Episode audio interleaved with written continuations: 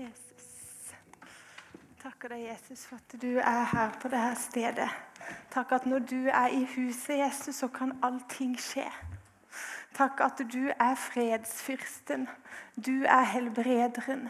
Du er den som leger sønderknuste hjerter og forbinder smertefulle sår. Du er miraklenes Gud.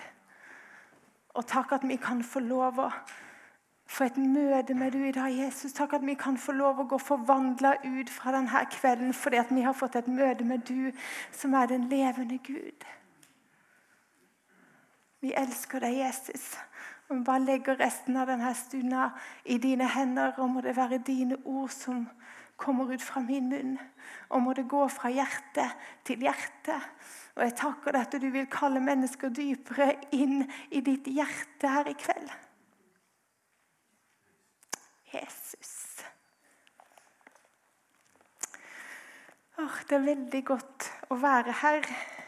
Det har vært nydelig å være med både i går og i formiddag. Og jeg er sikkert et nytt ansikt for mange, men jeg er Heide Åshild og er fra Grimstad. Eh, gift med en fantastisk mann som heter Frode. Vi har to skjønne gutter. Eh, og det er fantastisk å være i en forsamling som lengter etter Gud. Og jeg, Det er ikke ofte jeg er i en menighet og er på toalettet. Det er jo av og til menigheter. Men, at, men det er ikke ofte at eh, nabodama som sitter i, altså med på do i, i avlukket ved siden av, priser Gud og taler i tunger.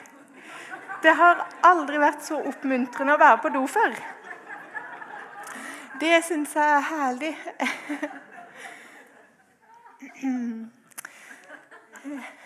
Har, uh, Gud har lagt noe på mitt hjerte for i kveld. Um, men så har han òg gitt meg et budskap for denne menigheten som jeg kjenner at uh, jeg vil dele først. Så det blir kanskje en litt annerledes uh,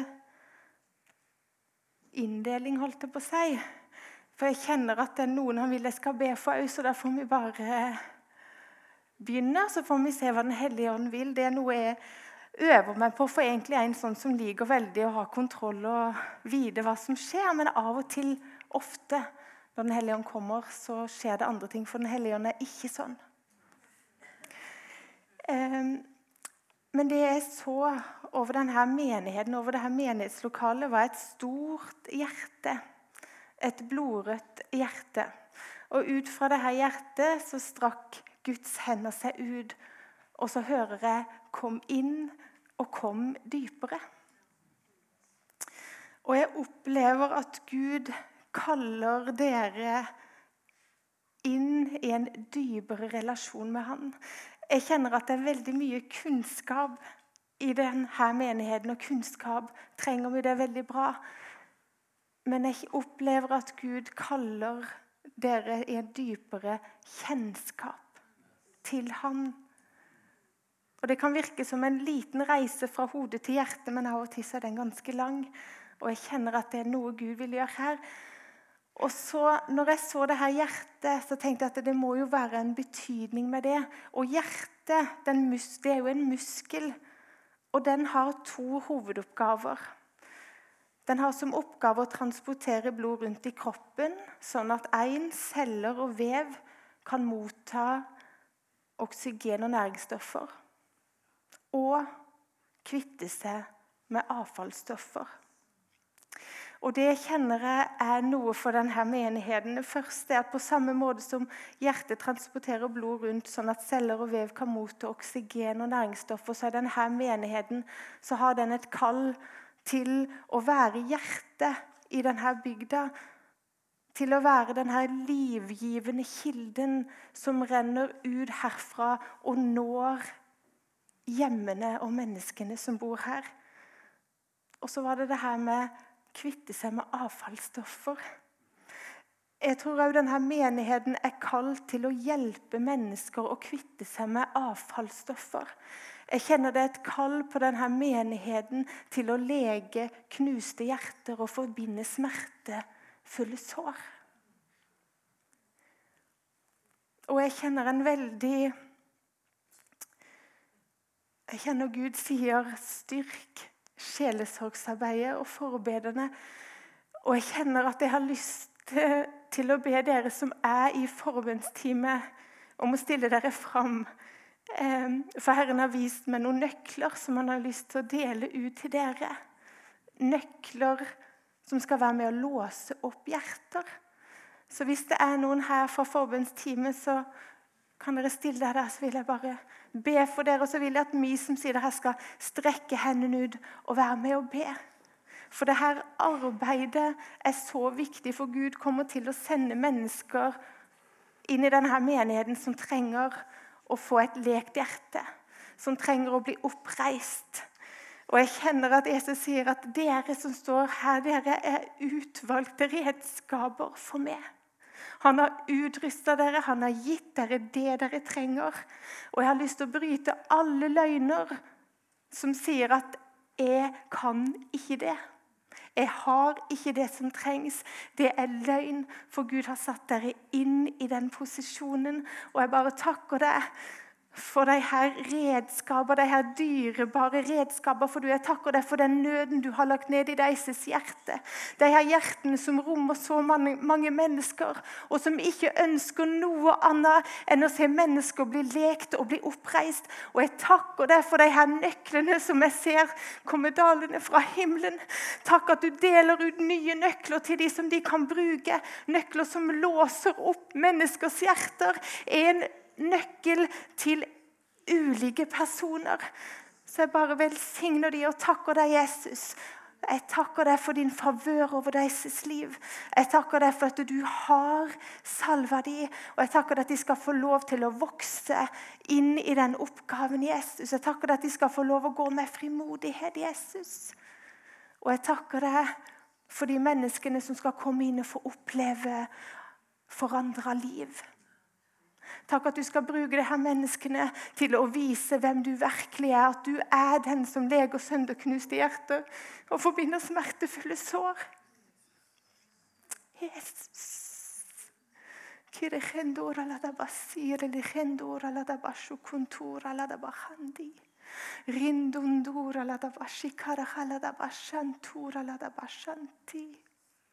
Jeg bare kjenner at han sier til noen av dere, vær ikke redd. For når du legger hendene på mennesker, så er det min hand som legger seg oppå din, og det er jeg som gjør det gjennom du. Du er bare mitt redskap. Og du skal få se mirakler og tegn og under skjer i mitt navn. Halleluja. Amen. Amen. Dere kan få lov å sette dere nå. Å, takk, Jesus. Um, og så ser jeg, har jeg også sett et syn over menigheten.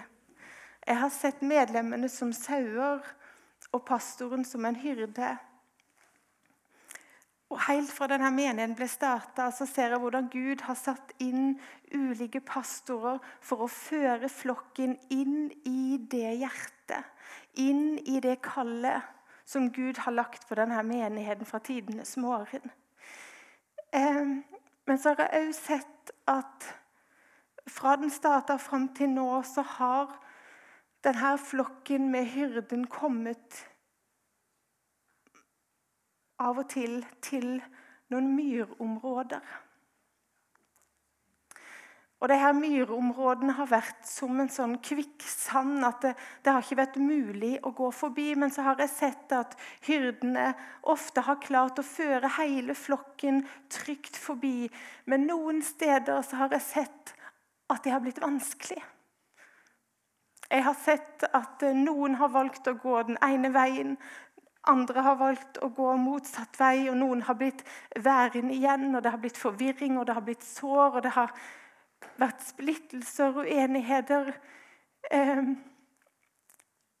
og nå er jeg veldig ærlig, men jeg kjenner at dere har vært med sånne myrområder nå.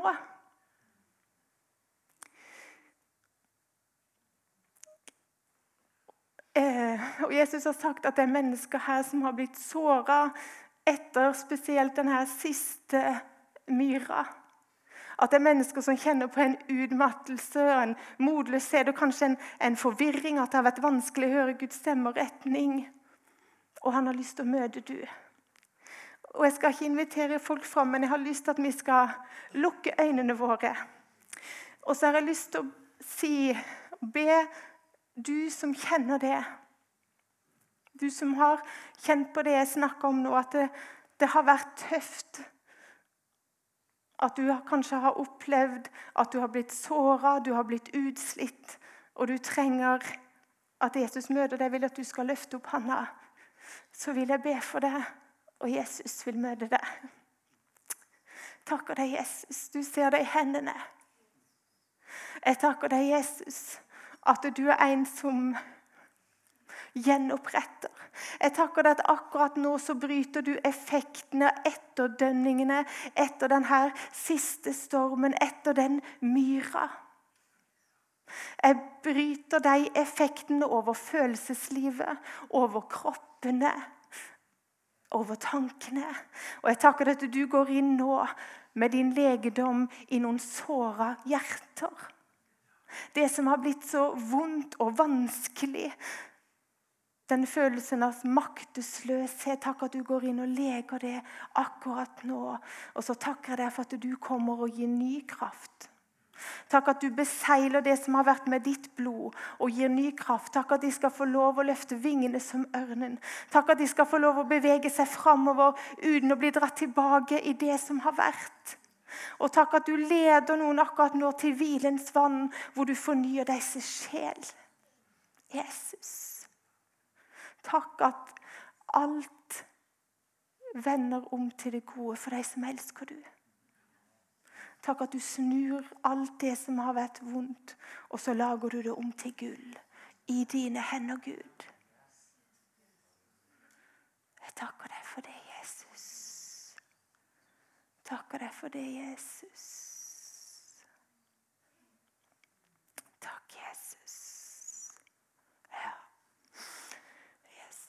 Kjenner jeg det at uh, Jeg har bare sett Vidar og så har jeg sett Kristine, og så kjenner jeg veldig for du, Kristine, at uh, dere to sammen skal føre denne flokken, holde på å føre denne flokken trygt forbi det her myrområdet. Og jeg kjenner for du, Kristine, jeg ser over du, så ser jeg ett ord, og det er takknemlighet og glede. Eh, du forløser takknemlighet og glede der du går. På en helt spesiell måte. Og du er en som ser mennesker, og du er den som går den ekstra milen. Du gråter med de som gråter. Du gleder deg med de som gleder seg, og du er en utrolig oppmuntrer. Og du ser hjertene, og du gir helhjerta av deg sjøl. Og Gud, han elsker den du er. Du er en solid og trygg klippe i denne menigheten. Han skal lønne deg for at du står trofast. Så bare velsigne du i Jesu navn og hele ditt hus. Og så kjenner jeg for du, Vidar, Gud har gitt meg et ord. Av og til snakker han på engelsk, og da sa han at Vidar han er a safe haven. Du er en trygg havn som loser mennesker inn i Guds hjerte. Og jeg ser at han har utøst av sitt hyrdehjerte inn i ditt hjerte på en helt spesiell måte. Og du evner å se mye av det som andre mennesker ikke ser i mennesker. Du ser forbi mye, og så ser du gullet. Og så har du en evne til å få det fram, og så kjenner jeg Gud sier at han skal gi deg en enda større evne og salvelse til å få mennesker ut i det Gud har lagt på dem. Og jeg ser en mantel over det. Og jeg bare takker deg, Jesus, for oh, I dag får Den hellige ånd meg til å gjøre ting jeg ikke pleier å gjøre. men jeg bare takker deg for Vidar. Jeg takker deg for den mannen han er. Jeg takker deg for den mannen etter ditt hjerte. Og jeg takker deg for det hjertet som rommer så mange mennesker. Og jeg takker deg for denne nye mantelen, den nye autoriteten. Jeg takker deg for det apostoliske som du legger sterkere nedover hans liv. Takk at du skal Takk at du bringer noe nytt over Vidar. Takk at når mennesker kommer i hans nærhet, så kommer tjenestegavene fram, så kommer nådegavene fram. Jeg priser deg for det, Jesus.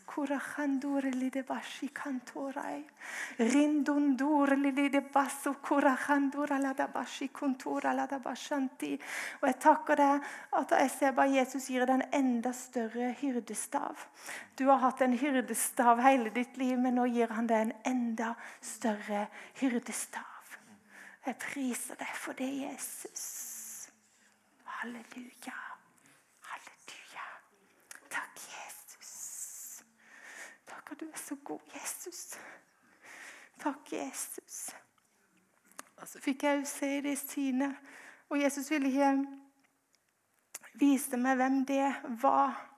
Og det tenker jeg er like greit, men jeg ser det at denne flokken og hyrden kommer til å lede altså Det er én et, etappe igjen, og så er dere inne i det hjertet. Inne i det kallet som Gud har for denne menigheten. Og Det er nesten som man kjenner som de her veddeløpshestene som står klar til å komme i gang. Det er, bare, det er så nærme til denne menigheten står i fyr og flamme. Til bygda her blir, blir satt i fyr og flamme. Og så hører jeg det at vinteren er snart forbi, og våren er på vei i denne menigheten. Men for at våren skal komme fullt i denne menigheten, så kjenner jeg at det er noe som må på plass. Og det er at man må ta et oppgjør med det som har vært. Med alle de hindringene, med alle de myrområdene som jeg snakka om. Man må ta et oppgjør. Man må tilgi, man må legge det bak seg. Man må be blodet over det, og så må man bevege seg framover. Jeg kjenner at tida er ikke inne for å slikke såra sine. Tida er inne for å legge ting bak seg, til å ha blikket retta på Jesus, som er troens opphavsmann og fullender, og bevege seg framover og inn i det som han har allerede gjort klar her framme for dere under menigheten Jeg vet ikke om det er noe under her, men jeg så at under menigheten så er det et eh, gammelt, gammelt alter med brennende kull. Det fins et tilbedelse- og bønnealter i denne menigheten. Det har fantes helt fra starten, og har, jeg ser at det har alltid vært brennende kull. Det har brent sterkere til tider og mindre sterkere, men det er brann der. Og så ser jeg hvordan dere spesielt har henta ut glør til barn og unge. Og jeg ser Det er noe som har vært, og det er noe som kommer. Jeg ser hvordan det her barna får kull, og hvordan de bringer det her kullet med seg til hjemmet. Og jeg ser mange ufrelste hjem hvor det kommer barn med kull. Og så er det to navn som jeg har hørt eh, i noen uker nå. Eh, og de hører sammen. Eh, og det er Knut og Katrine. og jeg ser Katrine. og jeg sjekka litt opp eh, at du er barneleder, og da tenkte jeg ja, da, da stemmer det. Og jeg kjenner jeg har fått noe til du. Kunne du tenke deg å komme fram, eller skal jeg komme ned? Eh, og så får du formidle videre til Knut. Men det jeg kjenner, eh, er at Gud har gitt du og Knut en spesiell gave og et spesiell salvelse til å bringe ild til barn og unge.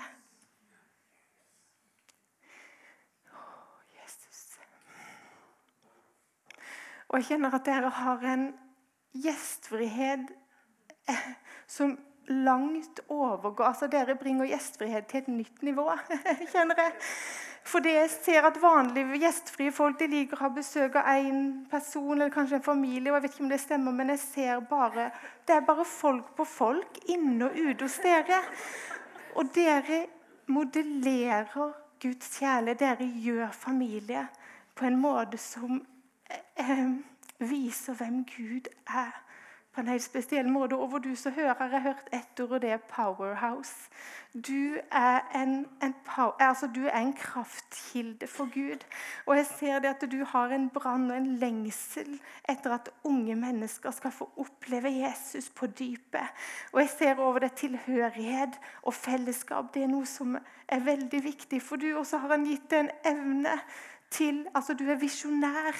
Du har en helt spesiell evne til å se de store linjene samtidig som du ser de små detaljene, og så syr du det sammen på en helt spesiell måte hvor Gud får være med og orkestrere. Og han har gitt deg en evne til å tale og til å dele fra sitt ord. Og så kjenner jeg, og så ser jeg at du og Knut Jeg ser hvordan Gud tar dere sammen og styrker den enheten dere har. Og jeg ser at han tar dere dypere inn i fellesskap med han. Jeg ser at han tar dere inn på den der hemmelige plassen, og så vil han lære dere hans stemme å høre på et plan som dere aldri har hørt. For dere er kalt til å lære barn og unge å høre hans røst. Og jeg kjenner over Knut altså, jeg gikk, Det eneste jeg vet om Knut, er at jeg gikk i seksårsklubben med han. Eh, og da satt Knut ofte sånn én tommel i munnen, én i øret. Og hvis han kunne ha en i navlen, så var det veldig greit. Og så sa, viste Jesus meg at han tok ut altså Han bare fjerner alt det her og kjenner det er en ny tid for Knut skal, det er, en, Gud har lagt ned noe i han som ikke er kommet fram ennå. For det jeg ser med Knut, er at han, han, bærer en trygghet. Jeg hører bare latter og liv og glede rundt av det. ungene bare trekkes til han på en spesiell måte. Så tror jeg nok han kanskje har lett for å tenke at Katrine hun kan ta seg av pratinga. Hun kan gjøre det. Men Gud sier at han skal begynne med det. For Gud har lagt ned i han en gave i det å formidle til barn som ennå ikke er kommet fram. Så hvis jeg ser han i løpet av helga, vil jeg gjerne be for han å forløse det. Jeg har bare lyst til å velsigne deg, Katrine. Jeg bare takker deg for det, den fantastiske gudskvinna som hun er. Jeg takker deg for at hun bærer din ild og din kjærlighet på en helt spesiell måte. Jeg takker deg at mange barn, mange familier skal få oppleve du gjennom det Katrine gjør. Og jeg takker deg for at du fører henne dypere inn, men du er bare velsigner hennes ører til å høre din stemme på en dypere plan. Og takk at du åpner hennes øyne, så hun skal få se mer enn det hun har sett før. Og jeg takker deg at du styrker henne. Takk at det aldri skal mangle olje i hennes lampe. Takk at du skal gi henne vinger som ørnen, Jesus.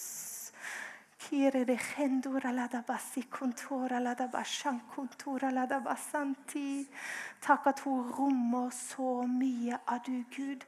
Takk at der Katrine går, der lekker det av du, og det lekker over på de barna.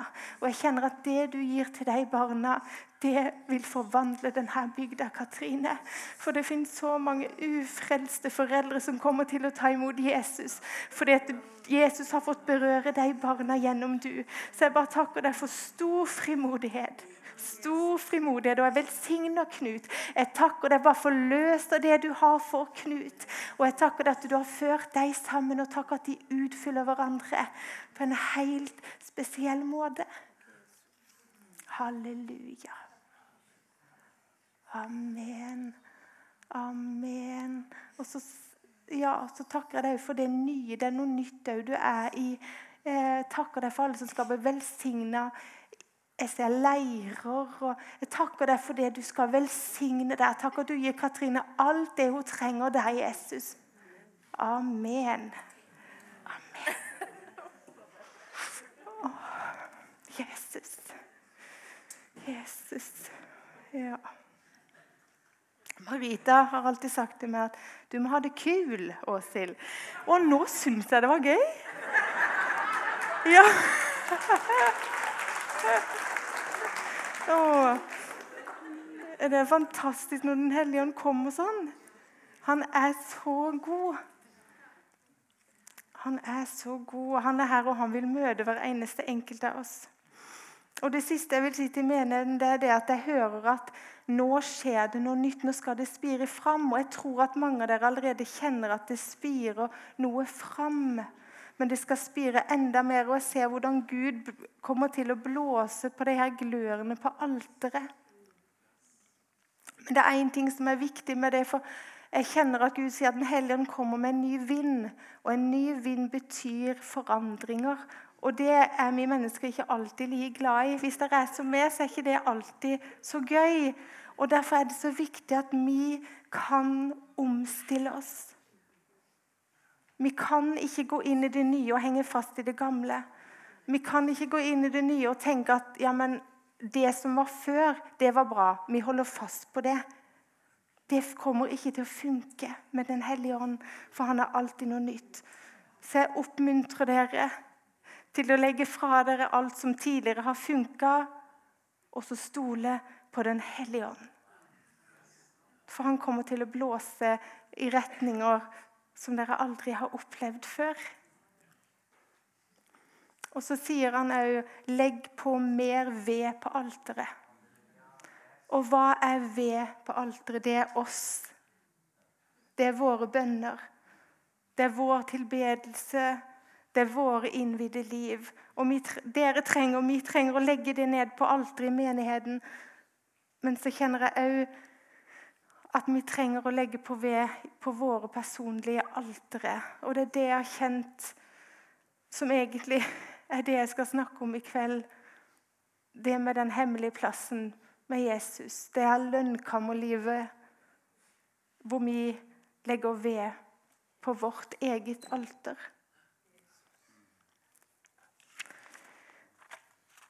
Og som jeg sa før i dag, så taler Gud ofte til meg med syner og opplevelser som for noen kanskje kan høres veldig rart ut.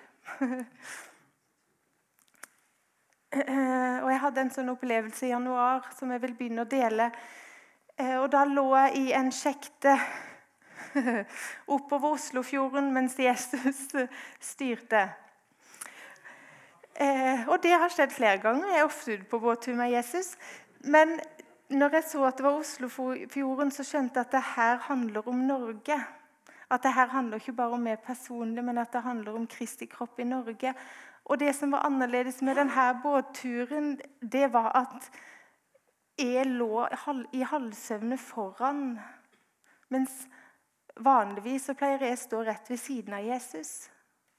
Eller han pleier å stå bak meg, og så styrer vi sammen. Og alt inni meg bare lengter etter å stå ved siden av Jesus. Men så var jeg så sliten, jeg var så trøtt, at jeg klarte ikke å reise meg opp og gå og stille meg ved siden av Jesus. Og til slutt så må jeg ha søvna, for når jeg våkner Så har Jesus lagt til kai. Og Så løfter han meg opp i armene sine og så sier han, 'Jeg skal vise deg noe'. Og så prøver jeg å holde meg våken, sånn at jeg kan kikke inn i øynene til Jesus, for det er det beste jeg. De øynene som alltid bekrefter meg. De øynene som alltid elsker meg og anerkjenner meg. Men så søvner jeg igjen, og når jeg våkner, så er vi kommet til en åpen plass. Det er en nydelig blomstereng, og midt på blomsterenga så er det en rydda plass hvor det står et eldgammelt alter. Og Jeg får se at under alteret så renner det, eller så er det en åre. I den åra så er det olje, men det er ingen bevegelse i olja. Det er helt stille. Jesus han legger meg ned på det her alteret. Og idet han legger meg ned, så faller jeg i dyp søvn, og så hører jeg tornerosesøvn. Og jeg tror de fleste av dere har hørt om tornerose. Hun som det ble lagt en forbannelse over, og som sov i 100 år. Og Det eneste som kunne vekke henne, var prinsen og et kyss fra han. Og I det jeg søvner, så får jeg jo se at jeg har en hvit kjole på meg. og Da skjønner jeg at på et eller annet merkelig vis, i det sekundet, så blir jeg et bilde på bruden i Norge, på Kristi kropp. Og mens jeg sover der, så frakter Gud meg i denne åra som flyter under bakken. Og jo lenger tilbake i tid jeg kommer, jo mer bevegelse er det. Og på ett punkt så er det full gjennomstrømning. Og når jeg kikker opp, så får jeg se Norge, og så får jeg se en mann som går Norge på langs. Og så skjønner jeg at det er Hans Nilsen Hauge jeg ser. Han levde på slutten av 1700-tallet og starten av 1800-tallet, og han brakte en av de største, om ikke den største vekkelsen som dette landet har sett. Og Det som var viktig for Hauge, det han reformerte, det var to ting. Det var omvendelse, og så var det personlige forholdet til Gud. Han brakte en kjærlighetsvekkelse. Og denne oljen i den åra er et bilde på den kjærlighetsvekkelsen men så kom en ny generasjon og nye generasjoner som glemte denne første generasjonens kjærlighetsild. Og det er blitt stillstand i den olja under vårt land. Og så får jeg høre åpenbaringa 2, 1-8. Og det kjenner jeg et budskap til Kristi kropp i Norge. Og der står det Skriv til engelen for menigheten i Efesos. Dette sier han som holder de sju stjernene i sin høyre hånd, og som vandrer midt iblant de syv lysestakene av gull. Jeg vet om dine gjerninger, arbeidet ditt, tålmodigheten din, og at du ikke kan tåle de onde. Du har prøvd dem som sier de er apostler og ikke er det, og du har funnet ut at de er løgnere.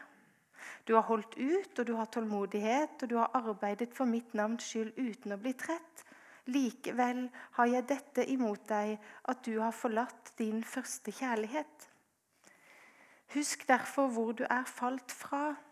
Omvend deg og gjør de første gjerningene, ellers skal jeg brått komme over deg og flytte lysestaken din fra sitt sted hvis du ikke omvender deg. Men dette har du. Du hater nikolaitenes gjerninger, som jeg også hater. Den som har ører, Hør hva Ånden sier til menighetene. Den som seirer ham, vil jeg gi å ete av livets tre, som er midt i Guds paradis.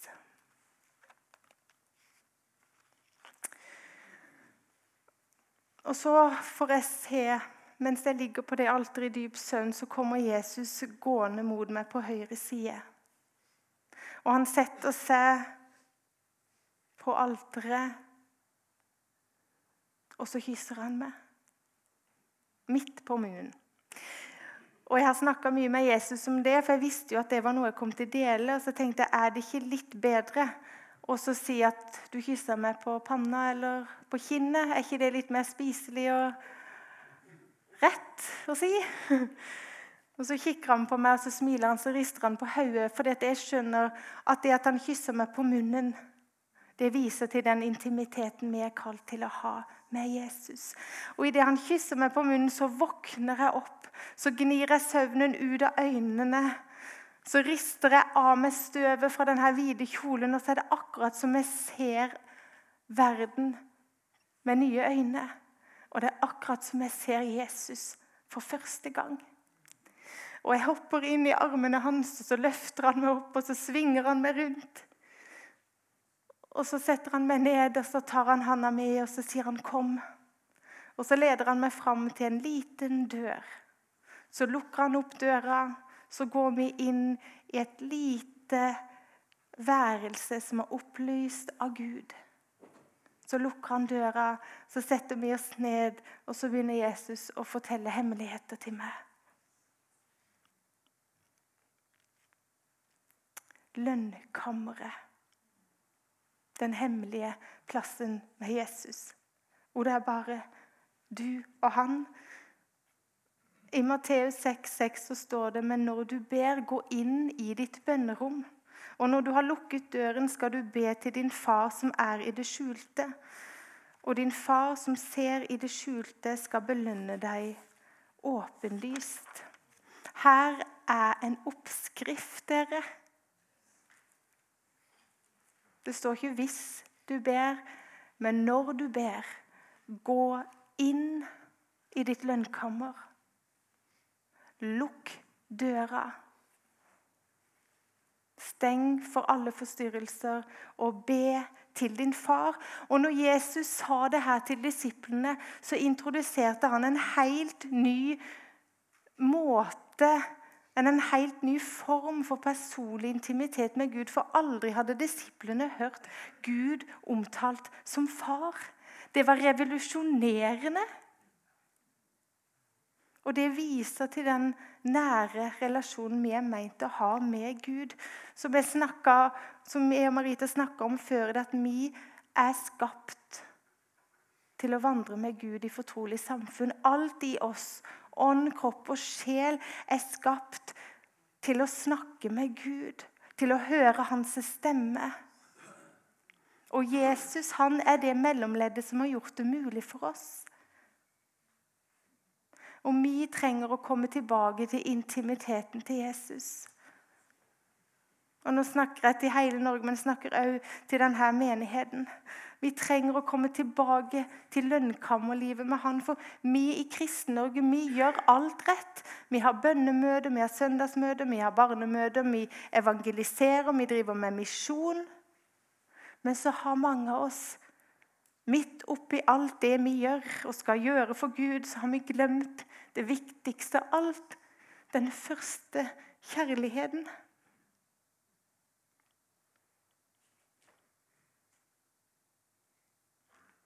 Og det går et robud her i dag fra Gud om å vende tilbake til den. Og hva er den første kjærligheten, da? Det er første gangen du møtte Jesus. Første gangen han satte ditt hjerte i brann og snudde opp ned på ditt liv. Jeg tror de fleste av oss her på jorda har opplevd å være forelska.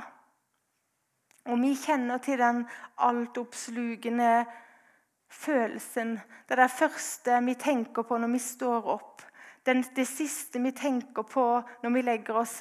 Det vi drømmer om, det som bare opptar hele oss, det som gjør oss litt tullete iblant. Og på samme måte er det meint å være med Jesus.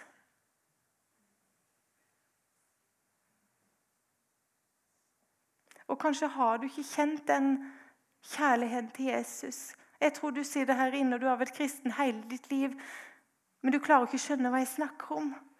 For du har aldri kjent den kjærligheten. Og jeg er her i dag for å si at du kan få lov å oppleve den i dag. På den hemmelige plassen med Jesus.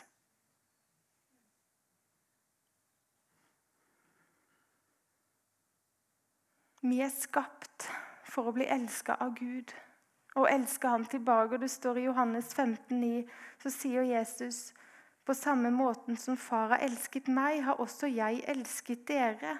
Bli i min kjærlighet. Vi er ikke meint å skulle gå inn og ut av Guds kjærlighet. Det er et blivende sted. Det er et sted vi skal leve ut ifra. Det er det stedet vi skal tjene ut ifra. Men hvordan forblir vi i hans kjærlighet? Ved å forbli i Jesus ved å tilbringe tid sammen med han, med å være i hans nærvær. Vi kan ikke bli forelska i noen hvis ikke vi er sammen med dem. Og Jeg er fullt klar over at det er noe som heter avstandsforelskelse, men den falmer, den falmer etter en stund. For det er først når vi blir kjent, når vi deler hjertet, når vi blir trygge på hverandre, at den kjærligheten vokser og blir dypere. Og sånn er det i vårt forhold til Jesus òg. Det er ikke noe forskjell. Og for å bli forelska i han, så må vi bruke tid sammen med han. Vi må kjenne han, ikke bare overfladisk, ikke bare i navnet, men i dypet. På samme måte som vi oppretter gode forhold, bestevenner her nede, så må vi bruke tid, og vi må treffes ofte og jevnlig, sånn at vi, blir 100 trygge på hverandre. Sånn at vi kan sitte i hverandres selskap uten å si noen ting. Og det er helt greit. På samme måte så er det med Jesus. Å elske Jesus det er ikke bare en viljesbeslutning. Jesus han vil ha hele oss. Og Ofte så gir vi ham bare litt. Og du er her i dag, og du har gitt ham litt. Men han vil ha hele du. Han vil ha de rommene som du har lukka døra og kasta nøkkelen til. Han elsker hele du.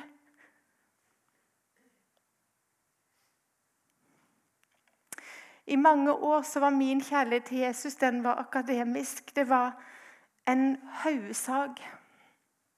Jeg visste hvem Jesus var. Jeg har trodd på han hele mitt liv. Jeg trodde at han døde for min skyld, at han sto opp den tredje dagen. Jeg prøvde å leve etter Bibelen, jeg prøvde å gjøre gode valg. Jeg ba til Gud. Jeg hørte aldri noe igjen, for det tok meg aldri tida. Men alt forvandla seg den dagen jeg møtte Jesus. Og Det er vanskelig for meg å snakke om det uten å begynne å grine. Men alt forvandla seg den dagen jeg var 19 år og hadde bestemt meg for å ta livet mitt. For jeg hadde levd mange år med mye stormer og mye vondt. Og jeg hadde gått ned til vannet nær forbi huset, for jeg hadde lest at drukning var den beste måten å ta livet sitt på. Og det var is på vannet, og jeg brukte litt tid for å finne en plass hvor isen var såpass, såpass smeltet at jeg kunne hoppe. Og etter jeg hadde satt fra meg skoene fint ved siden av hverandre, som bestemor alltid lærte meg. Og Idet jeg skulle til å ta hoppet, så kom en mann gående på vannet. Og han var like virkelig som dere for meg. Og det var Jesus. Den dagen forvandla mitt liv. Fra den dagen av så begynte den reise mitt liv fra kunnskapen om Jesus til kjennskapen. Fra den dagen jeg forsto at han var en virkelig person. Han var ikke bare en jeg leste om i Bibelen, men han levde, og han elska meg. Alt forvandler seg, forandrer seg når vi forstår at Jesus er levende. At han ønsker en personlig relasjon med oss. Og mange av oss trenger å foreta den reisa fra hodekunnskapen til hjertekjennskapen. Og jeg tror noen av dere skal få oppleve den reisa her i kveld.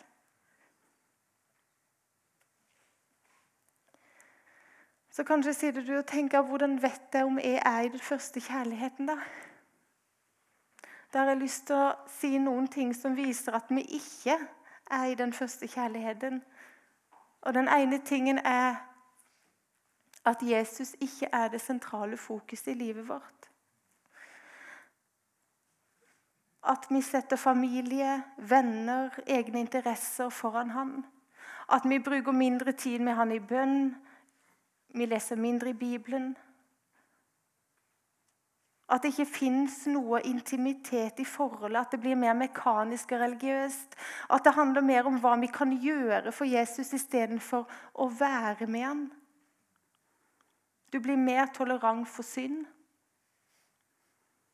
Og så mister du personen for de ufrelste og de minste som ligger så på Guds hjerte.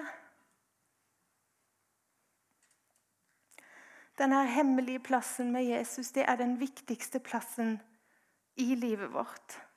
Det er der førstekjærligheten blir tent i brann. Det er der den blir styrka, det er der den blir vedlikeholdt.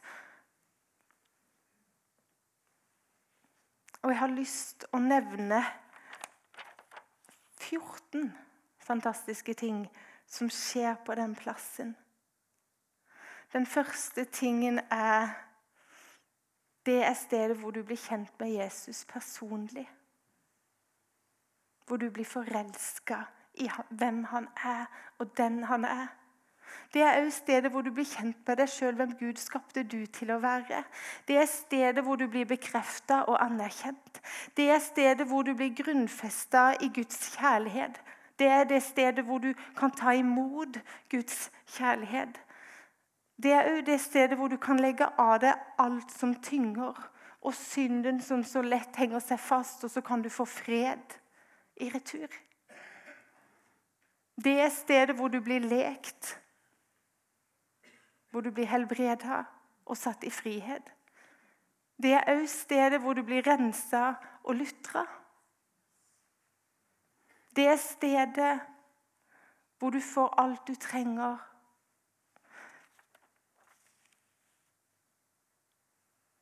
Det er stedet hvor du produserer olje, og nok olje til den ekstra kanna når brudgommen kommer.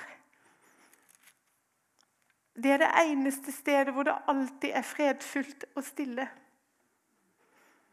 Det er stedet hvor du blir istandsatt til ditt kall.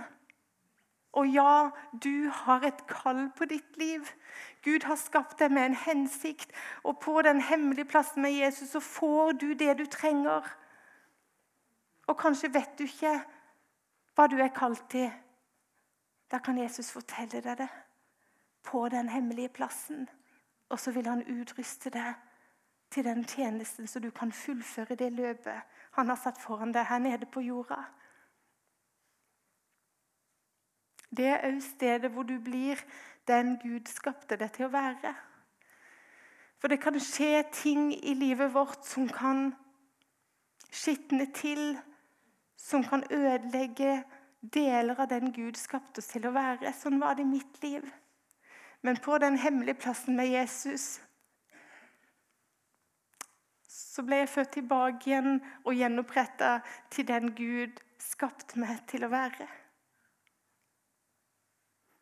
Det er det stedet hvor Jesus deler hemmeligheter med deg. Det er det stedet hvor du lærer hans stemme å høre sånn som Marita så nydelig delte om i dag. For du er kalt til å høre hans stemme. Det er det stedet hvor monolog blir til dialog. Så hvorfor er det så vanskelig for oss å gå inn i det lønnkammeret?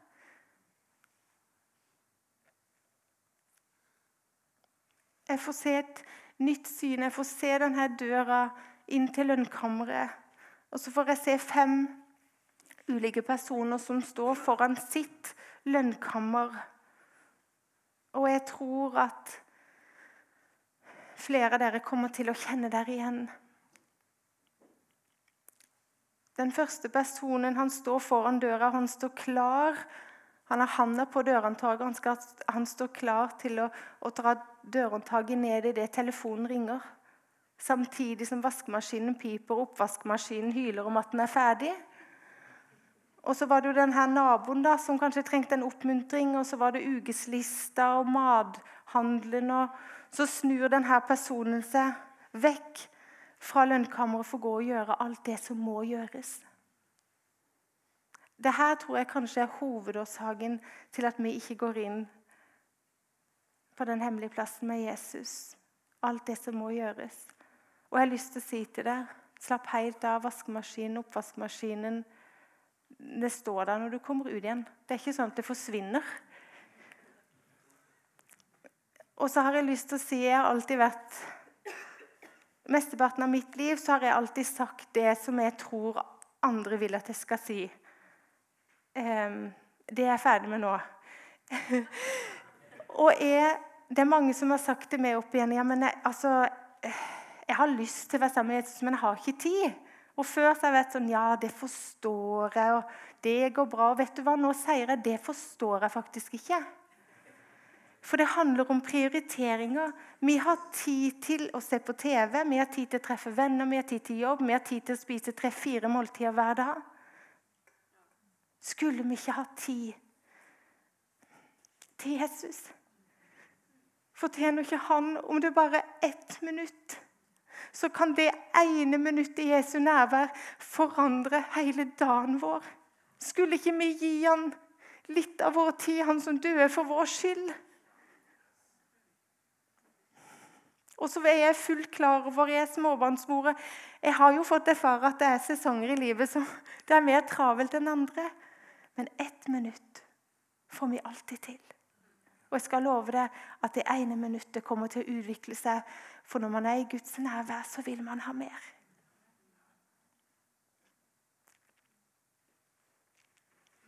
Den andre personen står òg foran døra. og han, har, eh, han, skal til å ta tak i dørhåndtaket når han plutselig blir så bevisst på den svære ryggsekken som han har på ryggen. For han har en veldig stor ryggsekk på ryggen. Og så kjenner han så på skam. For den ryggsekken den er full av smerte. Den er full av konsekvensene av alle de gale valgene hans. Og så synker hodet ned. Og så snur han rundt og går derfra med en enda tyngre bagasje og enda tyngre steg. Skam kan hindre oss fra å gå inn på den hemmelige plassen med Jesus. For det skam fører fordømmelse med seg. Og vi kan bli redde for at Jesus fordømmer oss. Vi kan noen ganger være redde for å komme inn med bagasjen vår. Vi kan tenke at hvis jeg skal inn i Jesu nærvær, så må jeg jo være helt skinnende ren. Jeg kan ikke komme inn der med synd og smerte. Så glemmer vi jo det at han sier, 'Kom til meg, alle dere som strever og har tungt å bære, og jeg vil gi dere hvile'. Vi glemmer at Jesus bryr seg ikke om om du har en ryggsekk. Han bryr seg ikke om hva du har i det. eneste han bryr seg om, at du bringer det fram til han. At du legger det ned med hans føtter, og så vil han gi deg fred. Han vil gi deg hvile i retur. Det fins ingen fordømmelse for den som er i Kristus Jesus. Jesus elsker oss. Han tåler, han tåler oss. Han vil ikke at vi skal komme inn i hans nærvær med masker. Han, og Jeg har av og til tenkt på det, for jeg har vært en som har båret masker i hele mitt liv. Og Min far sa en gang Åshild, du hadde blitt en dyktig skuespiller. Og så har jeg tenkt litt på det. Hvorfor har vi på maske når vi går inn foran Gud? Han vet jo hvordan vi egentlig har det uansett. Det er jo tullete. Han vil at vi skal legge av oss maskene både framfor mennesker, men òg når vi går inn til Han. Han tåler alt med oss. Han vil at vi skal komme akkurat sånn som vi er. Han vil at vi skal utøse av vårt hjerte til Han tåler til og med at vi er sinna. Den tredje personen står foran døra, og hjertet hans lengter etter å gå inn. Men så ser jeg at handa begynner å skjelve. Og så ser jeg at det, er en episode som spiller igjen og igjen oppi tankene. En episode fra han var liten og i møte med farens voldelige hånd. Og han blir redd. Er Gud òg sånn? Kommer Gud til å straffe meg? Er Gud sånn som min far her nede? Og Så ser jeg at han begynner å gråte, og selv om han så gjerne vil inn, så snur han rundt, og så løper han vekk. Frykt kan òg hindre oss fra å gå inn på den hemmelige plassen med Jesus. Frykt for straff. Frykt for å bli avvist. Frykt for å bli forkasta. Frykt for stillhet. Frykt for nærhet og intimitet. Hvis vi bærer ubehandla traumer i våre liv som Jesus ikke har fått lekt, så kan det hindre oss fra å komme inn i hans nærhet. Og så glemmer vi det, at det Jesus vil, at du skal komme som du er. Så glemmer vi at helbredelsen for de såra for de traumene ligger i hendene på han som sitter der inne og venter på det.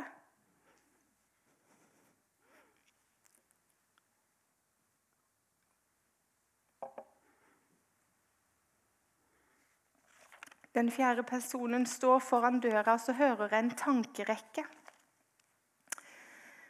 Jeg klarer ikke stillheten. Da kommer ting opp. Det orker jeg ikke. Og så snur han før han i det hele tatt har tatt på dørhåndtaket. En av konsekvensene med å være i Jesu nærvær er at ting kommer til overflaten. Og det er ikke alltid komfortabelt. Snarere tvert imot.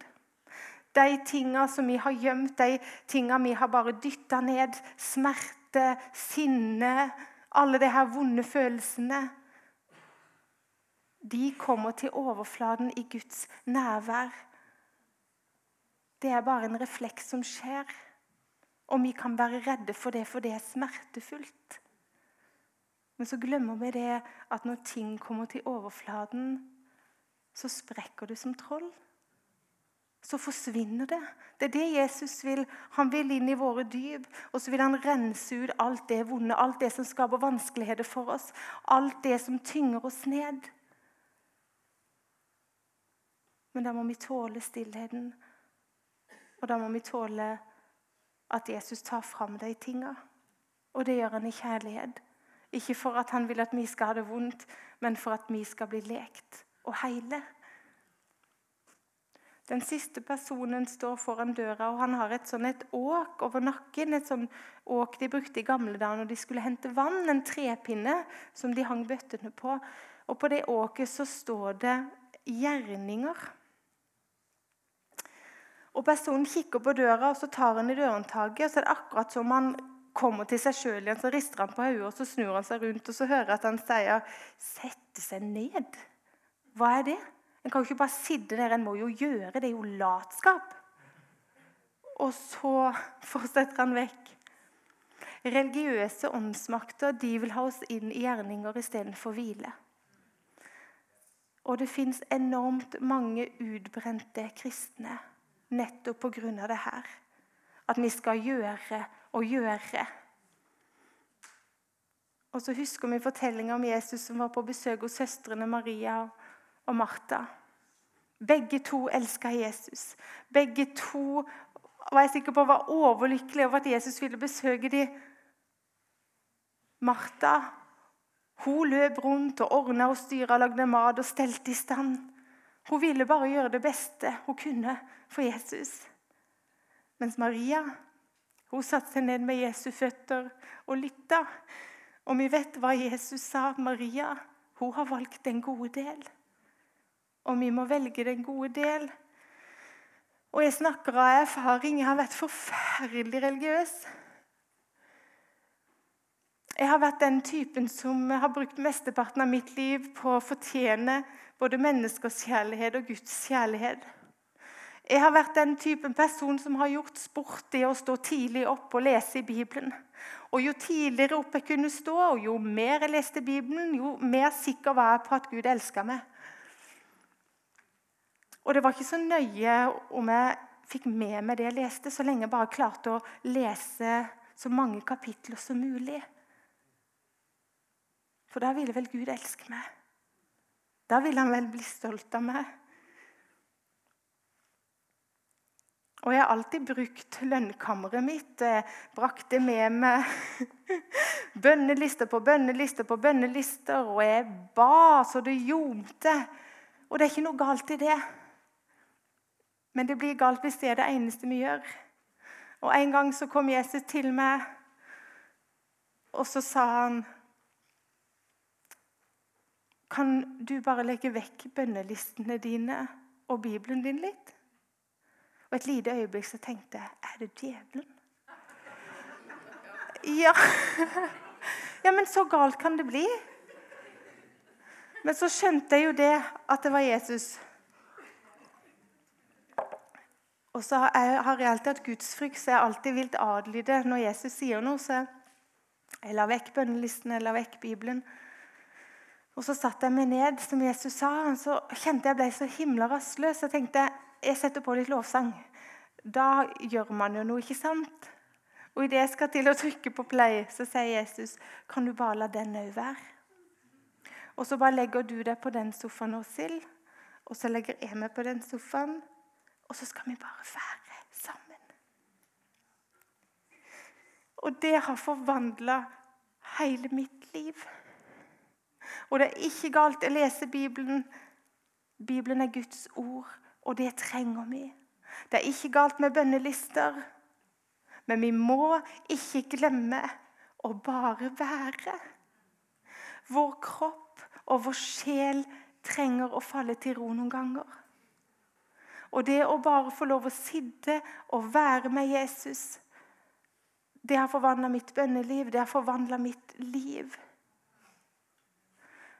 Det står så fint 'fall til ro' og kjenne at Herren er Gud. Hele oss trenger av og til å bare falle til ro. Og nå er det det beste jeg vet. Å bare ligge på sofaen og være med Jesus. Stillhet kan forvandle oss fra innsida ut.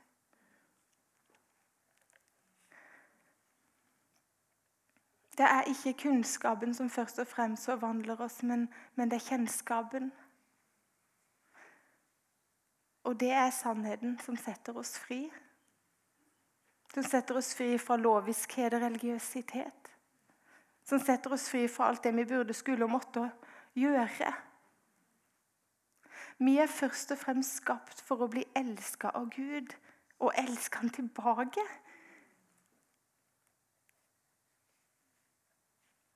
Legedom og frihet det finnes ikke i noen metode, men det fins i et navn. Og det navnet er Jesus. Og han sitter allerede inne i ditt lønnkammer og venter på du. Han lengter etter at du skal komme inn og sette deg ned. Han lengter etter å høre din stemme. Han lengter etter å høre hvordan du har hatt det da, selv om han allerede vet det fra før. Men han elsker når du forteller ham det. Han ønsker å ta del i hver en detalj av vårt liv. Han lengter etter å gråte med deg når du er lei deg. Han lengter etter å le sammen med deg når du er glad. Han lengter etter å overøse deg og grunnfeste deg i hans kjærlighet. Han lengter etter å lege de såra du har. Han lengter etter å reise du opp. Han lengter kort og godt etter du. Vi lever i en tid og går inn i en tid hvor denne plassen blir viktigere og viktigere. Det er rystelser i dette landet, og det kommer flere rystelser. og Da trenger vi den plassen som aldri skakes, som aldri rystes. Den plassen hvor det er fredfullt og stille, hvor vår sjel faller til ro, hvor vår kropp faller til ro, og hvor vår ånd blir mata.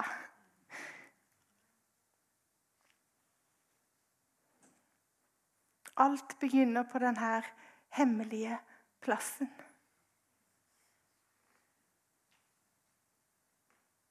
Og bønnelivet vårt det forandrer seg drastisk når vi skjønner at vi faktisk kan snakke med Gud.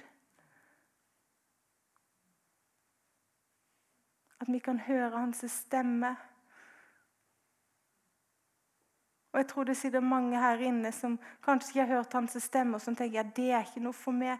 Det er for alle, og det snakka vi litt om i, på seminaret. Men jeg har lyst til å si det at du kan gjøre det. Men du må sette deg ned i stillhet. Fjerne mobilen, fjerne alt som hindrer. Og så må vi øve oss. og det, det gjør jeg med mine gutter eh, på fem og sju, snart sju. Og det har jeg gjort så lenge de har levd, holdt jeg på å si, fra de var sånn rundt ett, ett, to. Og barn er så Det er ikke vanskelig for deg å høre Guds stemme.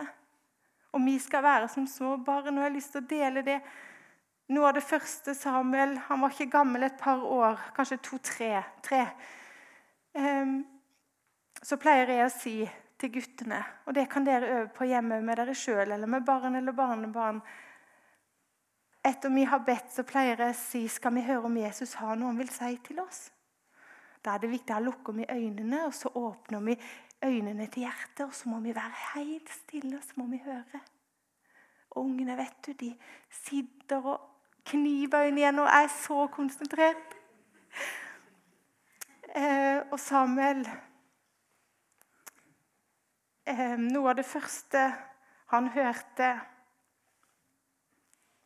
da sa han, 'Mamma, Jesus sa at han elsker meg akkurat slik jeg er, og at jeg også må elske meg akkurat slik jeg er.' Så enkelt og så sant. Og i en lang stund eh, etter det, etter vi hadde bedt nattabønnen Og etter jeg alltid sier elsker deg, Samuel', så pleide han å si elsker deg også, mamma', og 'jeg elsker meg selv akkurat slik jeg er'. Snakk om å tale identitet over seg sjøl. Vi burde begynne sånn. Jeg elsker meg akkurat sånn som jeg er.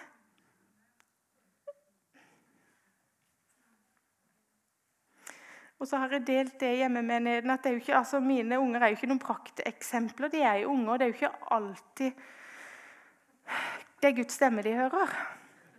For han minstemann Johannes Det har skjedd flere ganger eh, enn jeg kan telle. Så kikker han på meg, så sier jeg, pleier jeg å si Sa Jesus noe til dere? 'Mamma, han sa vi kunne få godteri nå.'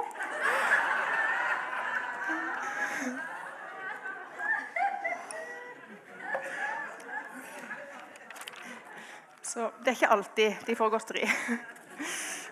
Man må lære å skille litt. Men det er ikke så vanskelig, men vi må øve.